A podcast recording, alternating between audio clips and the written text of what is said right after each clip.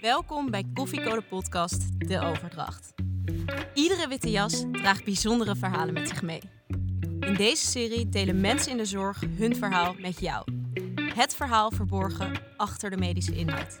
Je hoort het hier. Dit is De Overdracht. Heb jij een verhaal in je hoofd en je wil het vertellen? Meld je dan aan. Alle dokters zijn heel even stil, want de co wil wat zeggen. Hey, kijk eens aan, Koffie in je stad. Die dames op pad met de mic in je hand. En wij willen horen jouw verhaal. In de overdracht. In verband met privacy zijn in de overdracht alle herleidbare gegevens, zoals namen, dokters en ziekenhuizen, veranderd. Ik ben Afke, vierdejaars geneeskundestudent aan de Rijksuniversiteit in Groningen en heb naast mijn studie een bijbaan als voedingsassistent in het ziekenhuis. In maart, tijdens de opmars van het virus in Nederland, heb ik veelvuldig op de COVID-verpleegafdelingen gewerkt. Dat heeft veel indruk gemaakt en daarom heb ik er een verhaal over geschreven. Het heet Papercook en in de overdracht wil ik dit verhaal graag aan jullie vertellen. Zondag 29 maart 2020, 5 over half 6 ochtends. De wekker gaat. Ik ben een ochtendmens en ik heb doorgaans weinig moeite met vroeg opstaan. Maar de klok is vannacht een uurtje vooruit gegaan en het is dus eigenlijk nog maar vijf over half vijf. Toch treuzel ik niet, stap gelijk uit bed en spring onder de douche zodat ik er fris en fruitig uitzie. Normaal gesproken ga ik altijd met de trein, maar op zondag rijden die niet vroeg genoeg om op tijd op het werk te komen. Daarom kan ik op werkzondagen, heel fijn, de auto van mijn vriend lenen. Het duurt te lang van Davina Michelle klinkt uit de speakers. Mijn gedachten dwalen af en ik denk aan hoe lang het nog gaat duren voordat ik ga beginnen met mijn kooschappen. Het afgelopen half jaar heb ik mijn afstudeeronderzoek gedaan en er resten mij nu alleen nog de kooschappen voordat ik mezelf basisarts mag noemen. Ik keek er ontzettend naar uit om als co aan de slag te gaan en als een spons alle ervaringen in het ziekenhuis te absorberen. Maar afgelopen week werd bekend dat het tot zeker eind augustus gaat duren voordat ik mijn studie weer kan oppakken. Logisch en ook zeker wel te verwachten, maar daarom niet minder jammer. Het is al een stuk lichter als ik de auto uitstap en ik hoor wat vogeltjes fluiten. Via de achteringang van het ziekenhuis loop ik naar binnen richting de kleedkamers. Smiddags wordt daar altijd volop gekwebbeld, maar s ochtends heert er een serene rust. Alsof iedereen aanvoelt dat men nog moet opstarten. Nu is dat niet anders. Ik pak een jasje en een broek en begin om te kleden. Ik groet een verpleegkundige van de IC, maar ze herkent me niet. Waarschijnlijk omdat ik maar sporadisch in het ziekenhuis aan het werk ben en op veel verschillende afdelingen sta. Veel voedingsassistenten hebben een vaste afdeling. Mijn voorkeur gaat juist uit naar afwisseling. Soms sta ik een kopje thee te verdikken op de neurologie omdat iemand slikproblemen heeft. De andere keer snijd ik een boterham netjes in zes stukjes voor iemand die net geopereerd is aan zijn schouder op de chirurgische afdeling. Ik twijfelde daarom ook niet toen de planner gisteren opbelde en vroeg of ik op de vieze afdeling aan het werk wilde een afdeling met alleen maar bewezen COVID-19-patiënten. Weer een ervaring erbij. Bovendien doe ik graag iets nuttigs nu ik toch niet verder kan met mijn studie. Ik loop naar de afdeling en zie dat voor de normale klapdeuren een houten constructie is gebouwd. Een extra barrière om duidelijk te maken dat hier geen bezoek mag komen en niet zomaar betreden mag worden. Goed, op naar het hol van de leeuw. Ik vind het toch wel spannend. Ik ga straks patiënten zien die het virus hebben wat echt de hele wereld momenteel in zijn greep houdt. Tevergeefs probeer ik tien keer in te loggen op de computer. Geïrriteerd klik ik foutmeldingen weg als een schoonmaakster me vertelt dat niemand in het hele ziekenhuis kan inloggen. Handig. Ik begin op mijn telefoon te zoeken tussen de vele e-mails van werk en school met updates over de coronacrisis naar een mail waarin de omkleedprocedure staat beschreven. Ik loop er straks als een maanmannetje bij en dat moet mij beschermen tegen besmetting. Mijn collega, die op de andere vleugel van de afdeling staat ingepland, komt binnenlopen en we bespreken de dag. Er is geen aparte keuken op de vleugel waar ik straks rondloop, dus ik moet via de telefoon doorgeven aan mijn collega wat de patiënten willen eten. Zij maakt het dan klaar en zet het neer in een sluis voor de afdeling, waarna ik het kan ronddelen. Het is allemaal nieuw en nog niet heel duidelijk. In de sluis pak ik me samen met de verpleegkundige in. Handen desinfecteren, handschoenen, overschort, mondneusmasker, muts, een soort laskap. Ik pak me in met de hele mikmak. Ik ben er klaar voor. Vol goede moed loop ik de afdeling op, de eerste kamer in. Vrolijk vraag ik aan de al wat oudere man wat hij wil ontbijten en of hij ook een lekker gekookt eitje wil. Het is tenslotte zondag. Het blijft even stil. Ik wil niet meer. Ik ben zo moe. Het is wel goed. Oef, als dit zo doorgaat, wordt het wel een hele depressieve bedoeling. Ik leg uit dat hij ook niet zomaar wat onder de leden heeft en dat het belangrijk is dat hij goed blijft eten, zodat hij zich straks misschien beter gaat voelen. Uiteindelijk worden we het eens. Een bakje vla met een kopje thee. Prima. Op naar de volgende. Ik zweet nu al in dit pak. Op de volgende kamer loop ik naar binnen en begroet de vrouw die op de rand van haar bed zit. Aangezien 90% van de patiëntenpopulatie in dit ziekenhuis Fries spreekt, schat ik dat nu niet anders in en vraag in mijn moedertaal wat mevrouw wil eten. Wat wil je graag eten bij het ontbijt? Ze begint te grinniken, maar dat gaat plots over in een anderhalf minuut lange blafhoesbui. Als ze is uitgehoest, komt ze langzaam bij, maar ze is nog steeds buiten adem. Ze vertelt dat ze uit Brabant komt en mijn Friese gebrabbel van daarnet niet verstond, maar wel heel grappig vond. Ik glimlach, maar dat ziet zij niet omdat ik een masker op heb. Ik verontschuldig me en ik herhaal mijn vraag in het Nederlands. Ze wil een aardbeikwarkje met een stukje peperkoek. Ik kijk haar even aan en ze verduidelijkt dat het om ontbijtkoek gaat.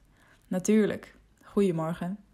Deze mevrouw heeft de bocht van het virus al gehad, in tegenstelling tot de andere patiënten op de afdeling.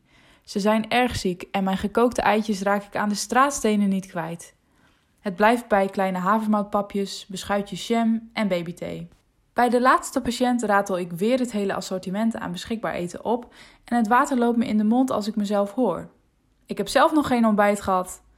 Het komt wel vaker voor dat ik pas zelf ontbijt nadat de patiënten alles op tafel hebben, maar vandaag ben ik het in alle vroegte gewoon vergeten. Ik bel alles door aan mijn collega en even later deel ik uit aan de patiënten die bijna allemaal alweer liggen te slapen. Terwijl ze eten, bouw ik het hoekje voor de bloemenverzorging om tot mini-keuken. Ik sleep er een koelkastje heen en vul deze met veelvuldig gevraagde producten zoals vla, sinaasappelsap, flesjes water en Nutri-drink. Dan begin ik het eten in de kamers op te ruimen en als ik bij de mevrouw uit Brabant kom, zit ze in de stoel. Ze kijkt uitdrukkingsloos naar het raam. Echt naar buiten kijken kan niet, want de ramen zijn geblindeerd met een soort van folie. Dat is gedaan omdat de gordijnen weggehaald zijn. Het is het beste als er zo weinig mogelijk in de kamer aanwezig is waarop het virus kan verspreiden. Ik zie gewoon dat ze even wil kletsen en ik stel een vraag. Ze woont vlakbij Uden, de grootste besmettingshaard in Brabant. Testen op COVID-19 was toch niet nodig? Ze verbleef al weken binnen. Maar ze testte positief en zonder boe of ba zat ze in de ambulance richting het hoge noorden. Op manlief en een tas met schone kleren en andere spullen wachten was er niet bij. Ze vertrokken direct. Haar dochter zou vandaag op en neer rijden, wat neerkomt op een tochtje van bijna zeven uren tuffen. Erg frustrerend moet dat zijn, want de tas zal moeten worden afgegeven bij de receptie en dan kan haar dochter weer helemaal terugrijden. Op bezoek kan vanzelfsprekend niet en zelfs even naar elkaar zwaaien voor de ramen kan door de blindering ook niet. Ik heb het te doen met haar. Mevrouw Brabant is even stil en ik zie dat ze wat vaker knippert zodat er geen tranen over haar wangen gaan lopen. Mijn maag knort en zij hoort het ook. Ze roept dat ik een bakje koffie moet gaan drinken met een boterham. Vind ik een goed plan. De ochtend sukkelt verder. Bij de een komt de warme pap er weer uit, de ander ontwikkelt een temperatuur van 40,2 graden en een ander mevrouwtje ziet het ook allemaal niet meer zitten. Ze snikt erover, daardoor moet ze weer hoesten en dat doet weer heel veel pijn. Visieuze cirkel. Ik probeer met iedere patiënt even over koetjes en kalfjes te praten, maar de meeste liggen te slapen. Rond 12 uur deel ik bakjes aspergesoep uit en probeer ik iedereen weer aan te sporen om goed te eten. Zo ook bij een andere patiënt uit Brabant, een man. Hij is sikkeneurig. Ik verzamel de troep van het middageten als hij het op heeft en sta op het punt om de deur weer uit te gaan. Hij ligt half te slapen en ik vraag zacht of ik de deur open of dicht moet doen. Moet jij weten, gromt hij op onverschillige toon. Normaal gesproken zou ik mijn schouders ophalen en de deur achter me dicht trekken. Nu zet ik de troep weer neer en leun even in de vensterbank. Hoe denkt u dat u het virus hebt opgelopen, meneer? vraag ik. Hij opent zijn ogen en kijkt me aan. Hij heeft mijn gezicht nog nooit gezien en ik realiseer me hoe onpersoonlijk het moet zijn om continu mensen om je heen te hebben die eruit zien als maanmannetjes. Ik denk een aantal weken terug, toen ik voor een chemokuur naar het ziekenhuis ging, antwoordt hij op mildere toon. Ik vraag waarvoor hij chemokuur krijgt en hij vertelt dat hij maagkanker heeft met uitzaaiingen in de lever. Zijn zoon is ook besmet geraakt. We praten erover verder en van de sikkeneurige man is vijf minuten later niets meer over. Ik vraag of ik nog iets voor hem kan betekenen. Hij wil, als het niet te veel werk is, nog wel een bakje vla. Natuurlijk kan dat. Ik snel naar de minikeuken en bij terugkomst help ik de man iets rechterop in bed. Hij begint te eten en ik pak de lunchtroep nu echt bij elkaar en maak aanstalten om weer weg te gaan. Bedankt, meisje, zegt de man, en zijn mondhoeken krullen omhoog tot iets wat lijkt op een glimlach. Graag gedaan, meneer, antwoord ik, wetende dat hij me niet alleen bedankt voor het bakje vla. Etenstijd. Ik trek al mijn beschermende kleding uit en ga naar de kamer waar de verpleegkundigen ook lunchen. Twee verpleegkundigen wijzen me erop dat ik niet goed mijn beschermende kleding heb opgehangen. Die moet namelijk wel hergebruikt worden door een tekort.